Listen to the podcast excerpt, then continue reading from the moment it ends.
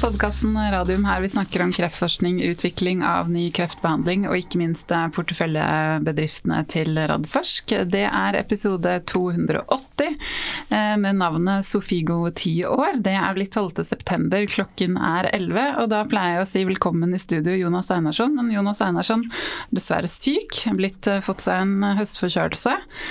Men jeg er heldigvis ikke aleine i studio. Det hadde jo vært forferdelig kjedelig både for meg og dere som hører på. Så hjertelig velkommen Jan Børge Jacobsen, administrerende direktør i Bayer Norge. Tusen takk. Takk for invitasjonen. Ja, Veldig hyggelig å ha deg med. Og velkommen også til deg, Frode Nakim, kommunikasjonssjef i Bayer Norge. Takk skal du ha. Er, du var med her for fem år siden, Frode? Det stemmer, det er jo som i går. Ja, ikke sant. Eh, og da sammen med Thomas Ramdal, og det er jo en liksom nøkkelperson her. Eh, og grunnen til at dere er her, er jo nettopp, som jeg sa i tittelen, at eh, det er Sofigo tiårsjubileum. Og Sofigo da er vel nesten det eneste norske legemiddelet utviklet og kommet på markedet, og det har vært der nå i ti år. Og det hadde dere en markering av eh, forrige uke. Jeg kan komme litt tilbake til det. Så egentlig først vil jeg egentlig bare høre hvem dere er, litt om bakgrunnen deres. Skal vi begynne med deg? Ja, takk. Eh, så jeg er eh, sivilingeniør i kjemi og har vært i farmasøytisk bransje i mer enn 30 år. Jeg ble da daglig leder i Bayer i 2018. Eh, men jeg jobba i forskning og utvikling, produksjon, eh, eh, kapitalinvesteringer og litt forskjellige saker i bransjene. Så jeg har jobba i egentlig i alle de store norske legemiddelfirmaene, med Apotekernes Laboratorium, mm. Nycomed Imaging, som da etter hvert ble G Healthcare, før jeg hoppa over til den, eh, norsk startup, Algeta, som vi ja. skal si litt mer om i dag. Det skal vi snakke mye mer om i dag. Og du Frode? Ja, du, du, kan jo ta med at du begynte i Algeta i 2010 òg, da. Og ja. du har vært med på mesteparten av reisen mm. gjennom Sofigo. Uh, nei, jeg er, jeg er, jo tidligere journalist. Jobba i mange år i uh, eh, VG. Uh, eh, på de fleste redaksjonelle funksjoner. Før jeg hoppet over til kommunikasjonsbransjen. Først, det er vår dark side, i og med at jeg også er tidligere journalist. jeg fikk beskjed om det da jeg slutta, at nå går du til the dark side. Ja. Men, det er ikke det så veldig mørkt på den sida her, syns jeg, da. Det er ikke det. Nei. Jeg har en helt annen oppfatning av det enn de fleste journalistene har, men det kan vi ta en annen gang. Mm. Så jeg begynte i byrå, uh, var inne i et uh, veldig raskt voksende uh, gründerselskap. Og så har jeg nå vært ni år som kommunikasjonssjef i Bayer. Og det er jo veldig spennende, fordi vi er et helt annen type selskap enn de fleste legemiddelselskaper i Norge, i og med at vi, vår vesentligste virksomhet i Norge er produksjon og forskning og utvikling. Mm. Mens de fleste andre da er salg- og markedsføringsselskaper i all hovedsak. Mm. Og det er jo nettopp det vi vil ha her i Norge. Vi vil ha forskning, vi vil ha utvikling, vi vil ha produksjon.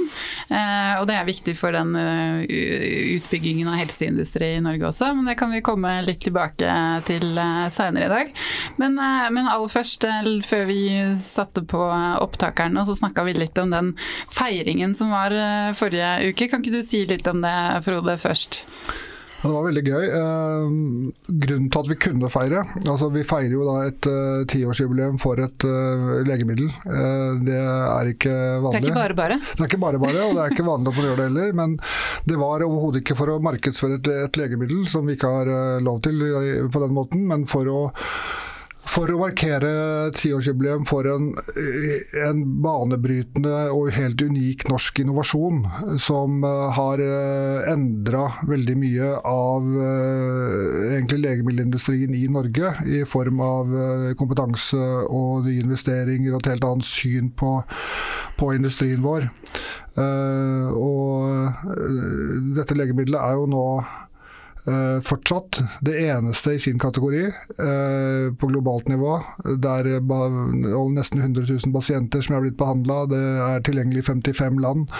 Så, hvis Norge da ønsker å utvikle en helsenæring, som vi også skal snakke mer om, så er jo hele utviklingen av dette produktet gjennom Algeta og Bayer, og med hjelp fra IFE, et eksempel på hvordan det kan gjøres. Mm, absolutt. Og jeg husker jo da, da Bayer kjøpte Algeta altså tilbake i 2014, så var det en stor diskusjon i Norge om var det greit eller ikke greit. Men jeg vil jo påstå at det, altså det, historien om Bayer og Algeta er jo en solskinnshistorie som viser at det oppkjøpet har jo bare ført til mer investering fra Bayer sin side i Norge. Absolutt. Og eh, Eh, vi har jo da produksjonen etablert her i Norge, og, eh, og med kommersialisering av lanseringen av Sofigo på verdensmarkedet, som da selges i mer enn 50 land, så har jo da kommet en inntektsstrøm til Norge basert på det. Men eh, utover det så har jo da blitt bygd opp et Center of Excellence innenfor radiofarmasi. Så Bayer så muligheten og satser tungt på å uh, gjøre forskning og utvikling, og ta, også bringe neste uh, radiofarmasøytiske terapien basert på alfa-emittere mm. på markedet, verdensmarkedet. Så vi er i, midt i smørøyet der i Norge. Mm. Absolutt, og det er noe jeg gjerne skulle hatt Jonas her, så han kunne snakka varmt om eh, satsing på radiofarmasi også fra Radfors sin side. Det, er et godt poeng eh, at eh, da Bayer kjøpte Algeta i 2014, så skrev jo norske aviser at nå er Algeta solgt ut av Norge. Ikke sant? Ut av Norge? Ja, ut av ja. Norge. For det var, det var jo et eventyr ikke sant, for veldig mange norske investorer og Folketrygdfondet, som var vår nest største eier, tjente veldig mye penger på at Bayer betalte ca. 18 milliarder kroner for Algeta. Mm. Og nå forsvant det, da. Men uh, fordi Bayer kjøpte, og Bayer er et tysk selskap. Men det som viste seg, var jo at Bayer har investert eh, mange milliarder kroner i Norge i etterkant for å drive eh, produksjon, kommersiell produksjon fra Norge, og også videre forskning med, med utgangspunkt i det som foregikk i Algeta. Mm. og det får altfor lite oppmerksomhet i Norge, hvordan Eh, internasjonale eller multinasjonale selskaper kan investere i Norge og foredle det som eh, altså produkter med norsk opprinnelse. Mm, absolutt, og det tror jeg er jo helt essensielt hvis man skal få fart på en helseindustri også. Man trenger jo de store motorene. Vi har jo snakket varmt her i podkasten ofte om Thermo Fisher, som vi har også veldig tett og nært eh, forhold til. Mm. Absolutt. Jeg husker godt uh, utgangspunktet for Thermo Fisher. Jeg jobba på Apotekers laboratorium på Skien. Uh, det, det, var en startup, og tolv personer satt rundt bordet. Det her tror jeg var i 1989. Så, så, det er gøy at det er en suksess der. Jeg har også jobba med Inicom med Imaging, hvor man også har eh, brakt et stort globalt produkt ut på verdensmarkedet med kontrastvæskene. Mm. Så vi har noen gode eksempler. Og ekstra stolt av å ha vært med på Algeta-historien og Sofigo som da var den, eh, den store innenfor terapiområdet. Mm. Så jeg ønsker bare å supplere litt også til eh, hva skjedde etter 2014. Eh, da var jo Bayer et salgskontor med sine produkter på Skøyen. 50 ansatte. Algeta holdt det på Frysja mm. med sånn ca. 100 ansatte. Og i 2015 så slo vi oss sammen, altså de to delene, og bygde nye laboratorier og nye kontorer på Lysaker. Så vi da har videre ekspandert investert eh, og investert 100 eh, millioner i eh, topp moderne lokaler og topp moderne kompetanse på Lysaker. Mm. Ja. Og det opplevde jo du, som var med å moderere konferansen vår mm. i forrige uke, Elisabeth. Hvordan vi har klart å bygge en kultur da, i Bayer i Norge, altså innenfor dette multinasjonale selskapet, som, som i stor grad gjenspeiler den gründerkulturen som var i Algeta. Hvor folk er ekstremt dedikert til de oppgavene vi har, altså målsettingen med å lykkes med den forskningen vi, vi driver i Norge. og også også lykkes med Sofigo eh, på globalt nivå. Uh, og det er jo litt fordi vi, vi, vi brakte med oss da hele kulturen fra Algeta inn i Bayer. Uh, selvfølgelig er det mange som har uh, slutta etter hvert, og vi har vært nødt til å rekruttere nye mennesker, men de har adoptert denne kulturen og brakt den videre på akkurat samme nivå. Mm. Uh, og vi da hadde også en en intern feiring også i etterkant av konferansen vår i forrige uke. Og det var eh, storslagent, hvor eh, alle omfavna hele denne historien. Mm. En viktig del av identiteten til mm. Bayer i Norge, og kulturen der, som du sier. Det er jo kjempeviktig. Det er jo noe som sitter i veggene og som er en viktig del av, av historien. Eh, og det er en viktig del av, av helseindustrihistorien. Og, og, som jeg også sa mm, når vi åpnet uh, konferansen, det er jo det at én ting var jo det med Bayer og Algeta, men det har jo ført til at man fikk en tro på biotek i Norge også. Mm. Det, det, før det så var det jo sånn vi hadde Photocure, ja, men det, det gikk så fort med Photocure. Det, så det ble jo spunnet ut allerede i 1995, og så på en måte har det vært der ute. Men man trengte jo det å få, få Algeta ut. Altså det mm. var jo en wake-up call for en del investorer i Norge som så at å ja, biotek, ja, det kan man også putte penga sine i. Ikke bare olje, gass, eh, laks, mm. eiendom. Mm. Um, og ikke minst eh, tenker jeg det var internasjonal oppmerksomhet også. Og så uh, sa vel uh, Einarsson, uh, skal ikke snakke for han når han ikke er her, men han sa vel at han, altså det vi sitter i i dag, da, Oslo Ganske innovasjonspark, hadde jo nesten ikke vært mulig å realisere heller uten Algeta. Mm. Så ja, det har fått ikke, mye positive ringvirkninger. Jeg syns ikke Jonas er her nå, for han sa jo akkurat det at ingenting av dette hadde eksistert hvis ikke det var for Algeta og det produktet som kom ut av Algeta. Mm. Og det sier jo litt ja, det sier jo egentlig det meste. Eh, vi må ha noen nyheter, og så skal vi fortsette å snakke om dette her. Eh, også, jeg vet i hvert fall at eh, Jonas, selv om han er syk, så er han eh, lykkelig i dag. Og det er jo fordi Høyre da har fått flertallet i, i, byrådet i Oslo. Og det vil si at det blir klarsignal for å utvide Oslo Cancer Cluster innovasjonspark. Det at man får kjøpt de kommunale tomtene som ligger her. så ja. Det, en, det også betyr mye for helseindustrien, at Absolutt. vi kan få til det. Veldig mye. Det betyr veldig mye. Så gratulerer. Ja, takk. Vi får gratulere Jonas. Vi får tvinge han til å høre på episoden. Eh, andre nyheter. Eh, PCI Biotech de har da fått et eh, europeisk patent for å bruke Fimanak-teknologien sin på, til å levere mRNA. Eh, så blir det spennende å se hva de skal gjøre videre der. Eh, så må vi innom OnkoInvent veldig kort, bare for å si at de har kommet med en kvartalsrapport. De har også fått en ny CEO, så han skal vi få inn eh, i podkasten i løpet av høsten. Og så må vi jo bare bemerke da, at gründerne bak Sofigo, Roy Larsen og Øyvind Bruland, står jo også bak OnkoInvent, så de driver jo også med alfa-emittere. Nycode de har eh, agenda ute for kapitalmarkedsdagen sin i New York 20.9. Skal ikke gå så veldig inn på den, men de har i hvert fall sagt at det de skal se på der, er eh, utviklingen innafor innenfor pipelinen av cancervaksiner. Og så skulle de særlig se på det som skiller Nycode sin egen VB1016 og VB10 Neo, som de da utvikler i samarbeid med Genentech. Og en annen ting fra Nycode er at den amerikanske investeringsbanken HC Wainwright har tatt opp dekning på dem. Eh, og de mener bl.a. at de ser det som 50% sannsynlig at studien som skal i gang da i USA i fjerde kvartal, vel, på avansert livmorhalskreft med VB1016-vaksinen og atezolizumab fra Roche, at det fører til en markedsgodkjennelse. Eh, og så analyserer de seg til at eh, dersom da VBT16 og VB10 Neo kommer på markedet, så kan da salget ligge på rundt 70 milliarder milliarder kroner til 27 milliarder kroner i året. Eh, det siste tallet er risikojustert. Og så tenkte jeg skulle bare ta med en, en uh, internasjonal nyhet uh, for en gangs skyld. Uh, som er plukka opp i Medwatch. Jeg skal ikke så veldig langt, vi skal bare til vårt naboland Danmark. men der var det en interessant sak om at noe nordisk rett og slett redder dansk økonomi i år. De er da rett og slett nå Europas mest verdifulle selskap. Danmarks største skattebetaler. Eh, og hadde det ikke vært for eh, Novo Nordisk, så hadde ikke da den danske økonomien hatt noe vekst å snakke om det første halvåret i 2023.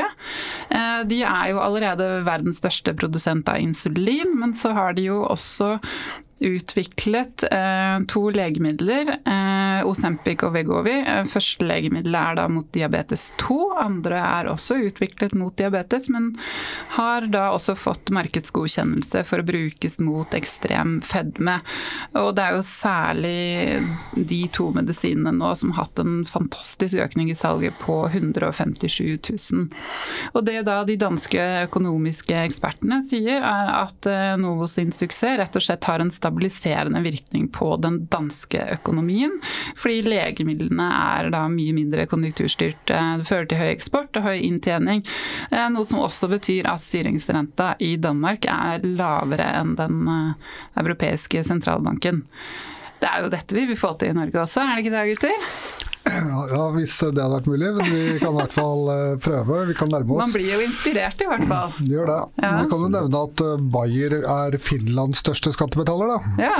Det er det ikke alle som vet. Nei, det visste ikke jeg. Er, eh, vi produserer hormonspiraler i Finland, i Turku. Og det er og distribuerer til hele globale markedet. Så det er en stor industri. Mm. Men det sier selvfølgelig også litt om størrelsen på den finske økonomien. For det er ikke noe nordisk eh, klasse vi snakker om.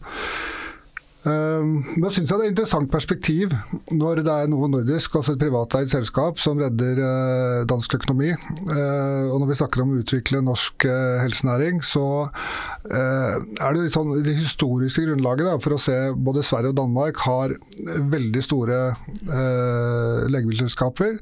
Men hele grunnlaget for industriutvikling i Sverige og Danmark har vært privat finansiering, private investorer, private eiere. Du har jo også Ved siden av Novo i Danmark, så har du også legemiddelselskapene Leo Pharma mm. og Lundbeck. Og så har du selskaper som Lego og Mersk f.eks., som også er veldig store og privateide. I Sverige så har du eh, AstraZeneca selvfølgelig, men også da, ja, Ikea, Eriksson, Hennes og Maurits, Electrolux osv. Mens i Norge så er jo eh, hele grunnlaget for norsk industri utvikla enten av uh, helstatlige selskaper, delvis statlige selskaper, eller ved hjelp av uh, statlige subsidier. Det går tilbake til de gamle jernverkene osv. Men fremdeles da, så er jo alle de store selskapene i Norge helt eller delvis statlig eid. Hvis du ser på listen, så har du Equinor, Hydro, Telenor, DNB, Yara, Statkraft, KLP osv. som dominerer. Og det sier jo noe om uh, premissene når Norge da har ambisjoner om å utvikle en helsenæring. Uh, vi skal konkurrere med ikke bare med Sverige og Danmark, men med alle andre land i hele verden. Mm. Hvor det gis insentiver, hvor det er kompetansemiljøer, hvor det er betydelig industri og forskning fra før. Eh, I Norge så har vi eh, gode forskningsmiljøer. Vi har en voksende eh, oppstartskultur, og vi har kapital. Vi har masse penger, men det er først og fremst statlig kapital. Så jeg tror hvis Norge skal lykkes, så må faktisk myndighetene inn med betydelig mer investeringsmidler, med betydelig mer risikokapital enn vi har gjort til nå. Da er det jo foreløpig i hvert fall Investinor som er verktøyet. Og jeg tror hvis ambisjonene skal nås, så må Investinors størrelse tidobles i det minste. Mm. Det krever en eh, investeringsvilje fra regjeringa. Eh, jeg er litt usikker på om den er der, selv om veikartet indikerer ambisjoner i den retningen. Mm. Ja, Det er jo interessant å se. Det, det som jeg la merke til, da, når, i hvert fall når det veikartet ble lagt frem, er jo at de er veldig opptatt av å kalle helseindustrien for grønn. Ikke sant? Og Det har også kommet et veikart på grønne næringer, og der har de jo kommet med er den 60 milliarder i, i risikokapital som de så, Sånn at hvis man på en måte klarer å koble det tett opp til de, de sammen, da, så kan det jo kanskje komme noe. Jeg veit ikke. Ja, altså alle eh, industrier skal i prinsipp være grønne mm. i mhm. framtida. Og eh, vi i Bayer jobber veldig seriøst med det på globalt nivå og i Norge. Og det går ut fra at alle, alle andre selskaper gjør også. Det, eh, så, så, det på en måte ligger i bånn. Jeg tror ikke det er noe spørsmål engang. Men så er det verdt å nevne at det er et paradoks da, at uh, denne regjeringa de vil veldig gjerne ha legemiddelindustriens investeringer i Norge, samtidig som de ikke er villige til å gi tilgang til de produktene vi produserer, og eventuelt skal eksportere fra Norge. Uh, det er uh, helt avgjørende at vi får tilgang, eh, og at vi får en eh, anstendig pris, da, jeg kaller det en rettferdig pris, mm. for produktene våre. At Norge er villig til å være et foregangsland i utprøving av nye terapier, nye produkter, nye behandlingsformer, for at de skal kunne tiltrekke seg industri, og for at de lovende norske start- og skillepselskapene skal utvikle seg ferdig i Norge. Mm. Og jeg er usikker på om eh, myndighetene har utvikla en full forståelse for det, til tross for at eh, Veikartet for helsenæring eh, har veldig mye lovende formuleringer. Mm. Ja, nei, Det blir spennende å se. Og det vet jeg jo eh, er noe som ikke bare dere i Bayer er opptatt av, men de andre selskapene også innenfor legemiddelindustrien. At dette, disse tingene her henger jo sammen. At det at man på en måte kjøper inn produktene eh, og ikke venter eh, veldig lang tid etter markedsgodkjenning og ikke presser prisen for hardt, altså det henger jo sammen med villigheten og ønsket om å investere i et land også. Eh, og vi er jo et fryktelig lite land, Norge. Mm. Selv om vi ikke alltid tror det sjøl. og vi ligger jo ikke i midten av Europa hvor det er naturlig å alltid legge ting heller. Så vi, vi har jo ikke noen fordeler, og da må man jo kanskje heller kjøre noen større insentiver. Så... Det handler om å investere for framtidig avkastning, altså for, mm -hmm. for, for framtidig inntjening for samfunnet. Og eh, i og med at vi var inne på Novo Danmark, altså i Danmark så eksporterer legemiddelindustrien for 200 milliarder kroner. Det er mer enn hele norske sjømatindustrien eksporterer for. Det sier noe om potensialet. Mm. Og som uh, Leif Rune Skymon har vel sagt mange ganger at hvis vi bare kan utvikle 10 ja. uh, av den størrelsen, så har vi en veld, veldig, veldig stor industri. Mm. Uh, men det krever at myndighetene involverer seg også som investor. Hvis vi skal eksportere, så må vi ha produkter og vi må produsere noe vi kan eksportere. Mm. Dvs. Si at produksjon er grunnlaget for eksport. Innenfor legemidler er det tre ting man kan eksportere, eller produsere. Det er det man har funnet opp sjøl, sånn som vi gjør. Det er generika, mm. som har så liten eh, avanse at det ikke er lønnsomt å produsere. Og så har du på lisens. Og da Skal du produsere på lisens, så må du tiltrekke deg de store selskapene som har volumer. Det er en utfordring, men da må du i hvert fall gi insentiver da, som gjør at de kan konkurrere med eh, miljøer over hele verden. Eh, skal du eh, produsere eh, ting vi har utvikla sjøl, så må du gi insentiver sånn at de selskapene som er lovende i Norge, som er i ferd med å utvikle produkter, sånn som Algeta lyktes med, mm. at de har forutsetninger til å gjennomføre hele løpet i Norge. Og Der er jo Nycode et eksempel, hvor, hvor Nycode utvider, men sier at de er nødt til å bemanne opp i Danmark fordi at det er mer attraktivt for den spesialkompetansen eh, som de trenger. Mm. Eh, selvfølgelig bør norske myndigheter da gå inn og spørre Nycode hva trenger dere for at eh, dere gjør dette i Norge istedenfor i Danmark. Eh, foreløpig tror jeg ikke det har skjedd. Det er vanskelig for norske myndigheter å gi skatteinsentiver, men kanskje kan man gjøre det på spesialkompetanse. Jeg tror det er lettere for norske myndigheter å gi finansieringsinsentiver. Mm. Men da må man finne en struktur på det. Mm. Ja, absolutt. Det er jo mange grep man kan ta. Og det som Michael sier, er at hvis man hadde tatt den danske modellen med den forskerskatteordningen, så hadde jo det hjulpet eh, mye. Eller bare at man hadde gitt eh, folk arbeidstillatelse kjapt. Og det er jo det noe man ser på faktisk i Oslo kommune, da. så får man jo håpe at det eh, i hvert fall kan løse, løse den biten. Men skal vi gå, snakke, gå litt tilbake og så snakke litt mer om Bayer og Sofigo. Jon Børge, hvis du skal presentere Bayer i Norge i dag, hvem, hvem og hva er det? Dere? ja, altså vi, i, I Bayern Norge så representerer vi jo tre divisjoner, hvor Farmadivisjonen eh, er den største. og Som jobber med innovative legemidler, både på med salg, markedsføring, eh, produksjon og forskning og utvikling. Eh, det er den største footprint vi har i Norge, hvor at eh, vi utgjør eh, ja, tre fjerdedeler av selskapet. Mer, mer, enn det, faktisk. Eh, vi skal også huske på at vi har en, eh, en landbruksdivisjon som eh, selger plantevernmidler på det norske markedet, og også en healthcare-divisjon. og Disse to divisjonene er også representert i Norge. Mm. Men det som er eh, det spesielle med Bayer Norge, er da den, eh, den egne forskningen og utviklingen eh, og produksjonen for Sofigo på verdensmarkedet. Hvor av 150 personer, så er det 100 personer som er sysselsatt i den radiofarmasøytiske porteføljen. Og der er det jo, som var inne på i forrige uke, på at Bayer Norge vi, vi, er en global aktør innenfor radiofarmasi. Mm. Sofigo-produksjonen er ledet av Norge. Det er et, et, globalt nettverk av produksjon og distribusjon. Det ledes fra Norge, og vi har ansvaret for oppfølging av ikke bare produksjonen her i Norge, men også internasjonalt. Eh, forskning og utvikling er et globalt sammensatt eh, prosjekt til å levere eh, den, det neste radiofarmasøytiske produktet. Vi har jobba lenge, i over, i over, ti år, med å komme med den neste alfameteren. Mm. Så det er ikke alt som man prøver på, som lykkes. Det har vi også erfart. Og, men der har vi i våre Vi har hatt eh, fire kandidater eh, i forskning og utvikling inn i fase 1.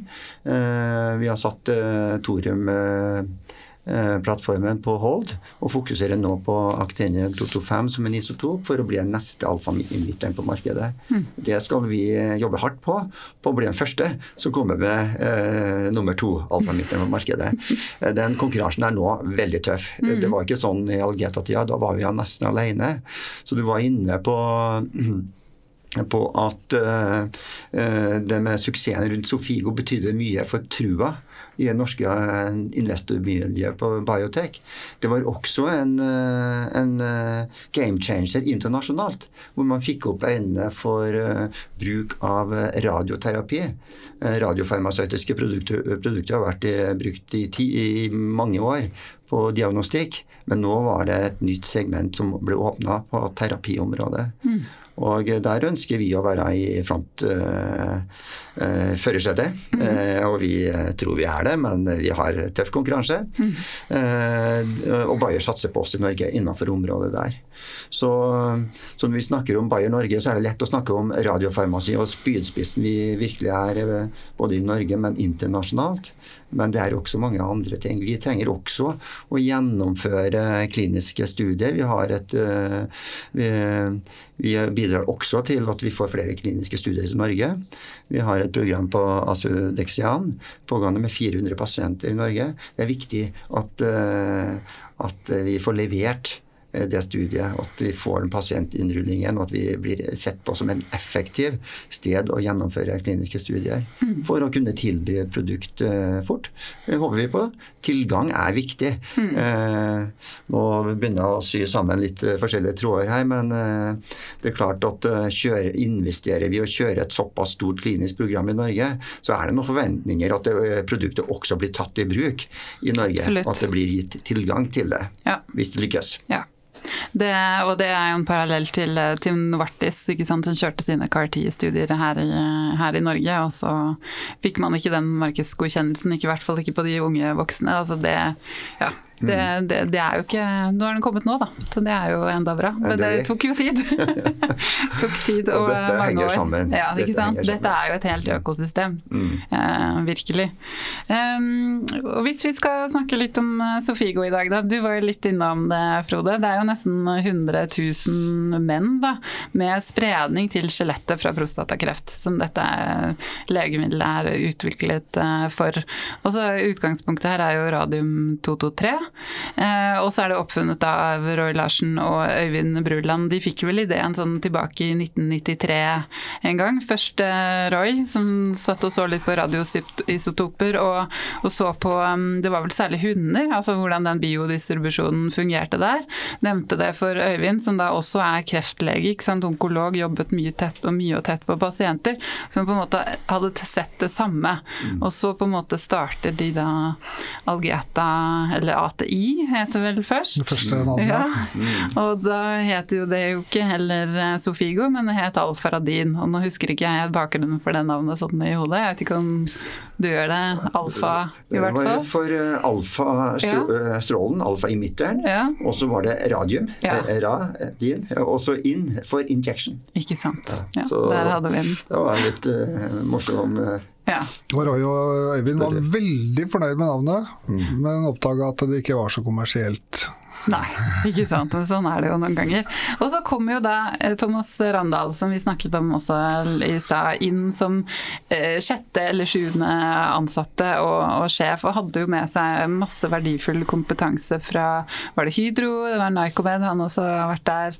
Eh, og på en måte blir med å utvikle det. Første pasient ble behandlet i Tromsø i 2001, og så i Sverige på Radiumhjemmet. Mm. Det fikk vi høre direkte fra Sten Nilsson, som er professor emeritus, eh, hvordan det var. Mm. Og så på en måte begynner man å bredde ut, og man fikk den store Alsimka-studien. Eh, og det husker jeg jo veldig godt når den på en måte ble sluttet, altså stoppet, for der var det jo en interimavlesning, ikke sant. Og så viser det seg at oi, det fungerer så bra at her må vi av etiske grunner bare åpne opp og gi til alle pasientene. Det, det husker jeg var som sånn gåsehudøyeblikk, egentlig. Mm. Og så gikk det jo da videre med markedsgodkjennelse, først FDA våren 2013, og så i, i Europa da, og Norge høsten 2013. Eh, og så kom jo da oppkjøpet med, med Bayer. Um, har dere noe til tilføre til historie? Nei, det, var, det var rørende da, da, Thomas fortalte om uh, den beskjeden om, at, uh, om Asimka-studien under konferansen i forrige uke. Hvor han sa han fremdeles får gåsehud når han tenker på det. Ja. Og det er klart det var et helt uh, avgjørende øyeblikk. og helt en vanvittig opplevelse for de som da hadde jobba så hardt med Algeta gjennom såpass mange år. Det er jo et, et langt og veldig veldig risikofylt uh, prosjekt. Og Thomas var på en måte den som den som uh, dro Algeta gjennom det. Uh, selv om eh, og, og, noe av det smarteste Thomas gjorde, var jo at han, han trådte til side og involverte kompetanse han sjøl ikke var i besittelse av, for å kunne fullføre hele prosjektet. Mm. Eh, fikk inn eh, Andrew Kay, dro nytte av Healthcap sin kompetanse. Uh, og Det gjorde jo at Bayer eh, kom inn da som partner i 2009, mm. uh, som også var veldig sterkt medvirkende til at man kunne fullføre. Mm. Absolutt. Så, men det, det, var en helt unik eh, situasjon at en interimstudie var så, mm. så klar. det husker jeg også veldig godt, og, og Thomas sa det på en veldig fin måte. Eh, men at du da eh, dette er så overbevisende at gir medisin til samtlige pasienter. En tredjedel i den studien hadde jo placebo, mm. saltvann. Eh, tilby medisin og send inn søknaden. Mm. Fantastisk. Men, og det her var i 2011. Innen den tid så, så hadde Andrew Kay kom, kommet inn i uh, Algeta, tatt over roret, og begynte å forberede den kommersielle lanseringen. Og uh, den unike lisens promotion-avtalen som ble gjort der, den, den er også uh, fantastisk og unik. Mm. Algeta, når de starta Alsymka-studien, så hadde de, de hadde penger til å starte studien, men ikke til å gjennomføre studien. Så med denne lisensen avtalen så hadde de råd til å gjennomføre Alsymka-studien. Mm. De hadde råd til å bygge opp et eget eh, produksjonsapparat eh, for å ha kontroll på den biten. Og, eh, og det, det rosinen på pølsen der da, i avtalen var jo at de også sikra seg eh, eh, salgsrettighetene i et viktig marked, halve USA-markedet. Mm. De sørga for nye inntektsstrømmer til Algeta, så de kunne satse videre på sin eh, R&D-pipeline. Mm. Det var en unik avtale som ble inngått den gangen. Mm. Eh, smart og eh, godt nettverk. Og eh, ja, så er det det med å lykkes også, da. Mm. Ja ja, man må jo ha de kliniske resultatene, dataene, som vi alltid snakker om i denne podkasten. Dyktighet og flaks. Ja. Dyktighet og flaks. Mm. Så, ja. Men det, det, aller mest interessante sånn i norsk perspektiv er jo hvordan man da klarte å holde hele prosessen i Norge.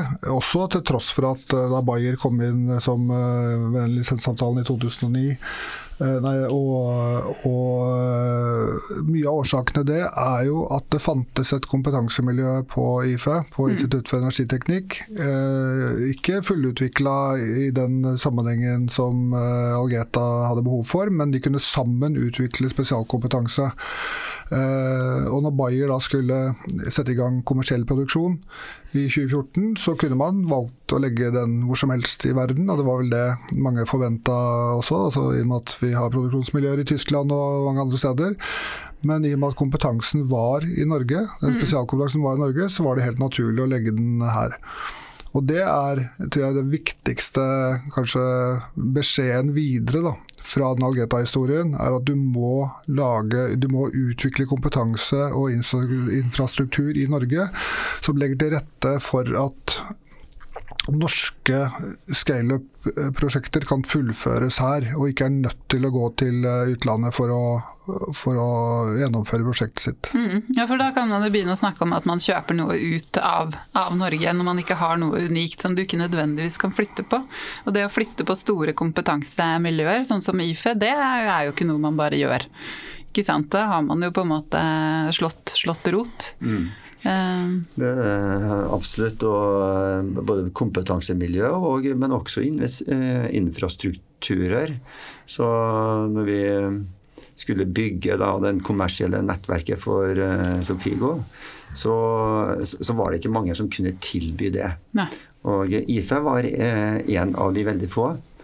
Og, eh, og, det, og, der bygde vi oss sten for sten. Mm. Fra klinisk produksjon til kommersiell produksjon. Eh, vi hadde, la oss tegne et bilde av at det var et, et, sted hvor vi hadde en grunnmur, og vi hadde vegger, og vi hadde lisenser. IFE hadde lisenser til å operere. Så kom Algeta og bygde rom, celler, mm. ved at vi hadde vår unike eh, produksjon og kvalitetskontrollaboratorier. Og dette kunne du se på lett si at det er et katapultsenter for radiofarmasi, selv om det ikke offisielt er det. Mm. Og det mangler vi i Norge. Vi mangler katapultsentre for uh, helseindustrien, som er egnet for uh, helse, tilpasset og egnet for helseindustrien. Mm. Vi trenger flere av det. Ja, Det jo, står jo i veikartet, da. Skal, de skal se på det i hvert fall, disse virkemiddelkameratene. Jeg ser det, og, det, og, der, og, eh, og da, da, må det faktisk også skje. Ja. For at vi har en unik posisjon når det gjelder radiofarmasi si. Eh, vi er faktisk eh, inne på eh, selve genterapi. Mm. Det er en ACT-senter her på Radiumhospitalet i sin spede begynnelse. Det kan bli noe mer. Og immunterapier. Mm. Så det er noen veldig flotte segmenter i Norge mm. man kan spinne videre på. Mm. Her må man bygge videre. Sin, kjenne sin besøkelsestid, er det ikke ja. det det heter? Ja. Apropos kompetansemiljøer. altså da IFE begynte samarbeidet med Algeta og senere Bayer, så var det tolv personer på IFE som jobba med uh, radiofarmasi. Relatert til radiofarmasi. Og nå er det 150, eller mer enn 150. Og den utviklingen er altså, De har skapt et miljø som er helt enestående i verdens målestokk også. Mm. Det er klart det kan Norge utnytte, hvis mm. vi er uh, flinke til å rette virksomhet inn mot det. Um, og For noen år siden så lagde vi en Menon-rapport, eller Menon Economics lagde en rapport for oss og uh, IFE. Uh, for å kartlegge effektene da, av uh, Sofigo alt som var knytta til utvikling og produksjonen av Sofigo siden 2014. Og Den viste jo at det var en årlig verdiskapning på omtrent 700 millioner, og at verdiskapningen var nesten dobbelt så høy som gjennomsnittet i norsk helsenæring. Ja.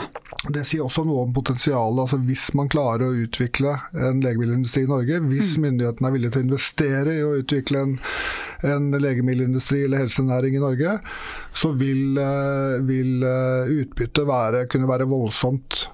Uh, men det krever eh, mer enn bare eh, veikart og intensjoner og ambisjoner. Mm. Det krever også faktisk eh, insentiver eller finansielle virkemidler. Mm. Til tilbake til dere. Det som jeg syns var veldig fascinerende å se på eh, feiringen av Sofigo, det er jo det at Sofigo eh, utvikles videre. Mm. Flere studier, kombinasjonsbehandlinger, hvor man får resultatene videre. Og så i tillegg, da, som du har nevnt flere ganger, Jan Børge, altså, dere satser jo stort på utviklingen av radiofarmasi videre, og håper jo nå da, som jeg skjønner, store ambisjoner å være det neste med den andre alfamitteren på markedet. Si litt mer om hva dere gjør. Ja, For uh, Sofigos del så er det jo å uh, øke anvendelsen i hjelp av kombinasjon med, med annen type uh, prostatakreftbehandling. Slik at du får en synergi av en kombinasjonseffekt der. Så der har vi to, to studier pågående. Med en med kemoterapi og en med antihormonell behandling. Som vi eh, regner med å få en, eh, en, konklusjon på i løpet av et, eh, ja, et års tid. Mm. Og eh, Sånn er det jo med legemidler. Du var inne på Novo Nordisk og godkjenning av to preparater. Eh, hvis dette blir godkjent, så kan det bli stort, mm. også for Sofigo, og gi en boost. Men ikke, det er ingen automatikk. Selv om en godkjenning kommer, så skal det også da tas i bruk. Mm. Så, men eh, vi jobber jo selvfølgelig for å få gjennomført studiene, og eh, det gir en eh, for å putte litt mildt, da, potensialet for en, en, økt anvendelse av dette produktet mm. i kreftterapien. Mm. Komme inn til, tidligere i behandlingen osv. Mm. Det er kort litt på det. Videre så ut ifra produksjonsnettverket så tilrettelegger vi for en, eh, en, brå og kraftig vekst. Samtidig som vi må passe kostnadene. Ja. Så det er en vanskelig balansegang. Ja, den Dette er, er litt kikkig. Ja. Så bra. Eh, jeg ser at vi må gå inn eh, for landing. Har dere noen siste bevingende ord til våre lyttere? Bevingede ord. Nei, vi, Dårlig gjort å spørre om sånne ting på sparket. Ja, nei, vi har sagt ganske mye, men jeg, jeg tenker at uh, altså, vi har et, et uh, fantastisk godt utgangspunkt nå i, i Norge. Uh, vi har et fantastisk godt eksempel i Algeta Bayer-historien. Mm. og vi må da samarbeide, altså alle parter, industri, helsevesen, myndigheter, kompetansemiljø rundt omkring for å klare å materialisere det, for å få det til å bli noe. Mm. Eh, veikartet for helsenæring er et godt uh, utgangspunkt, men uh, det holder ikke alene. Uh, og vi må spille på lag i enda større grad enn i hvert fall deler av disse, dette ekosystemet er villige til å gjøre da, med legemiddelindustrien og med de store multinasjonale selskapene for det vi kaller big pharma, er til syvende og sist helt avgjørende for at man lykkes med å bygge industri, sånn som det var Bayer var da for Alge muligheter. Mm. Det er en, en, bransje som er utrolig givende og spennende å være i. Eh, vi er med å utvikle, får lov til å være med å utvikle terapi for pasienter som, som ikke har en behandling i dag. Mm. Og det er utrolig givende, eh, for, både for den pasientene og de berørte familiene og venner rundt. Eh, vi syns det er spennende, og vi, vi aksepterer at ikke alt lykkes. Men når vi endelig lykkes, så syns vi det er helt uforståelig at det ikke blir tatt i bruk. Ja. Det, det, det, for da kommer det jo ikke til nytte til noen. Nei. Nei. Hva er vitsen med forskning igjen hvis det ikke brukes ja. og tilbys? Ja. Du kan jo si til slutt at vi, er, uh, altså vi har hatt uh, mye, mye, mye, interessante mennesker på besøk hos oss, både statsråder og, og mange andre. Men vi er veldig åpne for å dele vår erfaring og kunnskap og kompetanse. sånn at hvis det er noen i hele dette ekosystemet som ønsker å lære av den, eh, den veien som eh, Algeta og Bayer har gjort, så er de mer enn velkommen til å ta kontakt eh, og besøke oss. Mm. Mm. Så bra, for det er jo viktig å dele på den kompetansen, ikke sant. Det er jo kjempebra. Tusen takk skal dere ha for at dere kom hit. Eh, og gratulerer med vel overstått feiring. Lykke til videre. Det blir veldig spennende da med denne nye alfa-emitteren. Ja. ja. Eh, og skal bare si at eh, Neste uke så skal vi ha med oss eh, Photocure. Og da skal vi ha med oss general manager i Europa, Susanne Strauss. Og da skal vi høre litt mer om hvordan de ruster opp for videre salg i Europa. Så satser vi på at Einarsson er på beina igjen til det. Takk skal dere ha.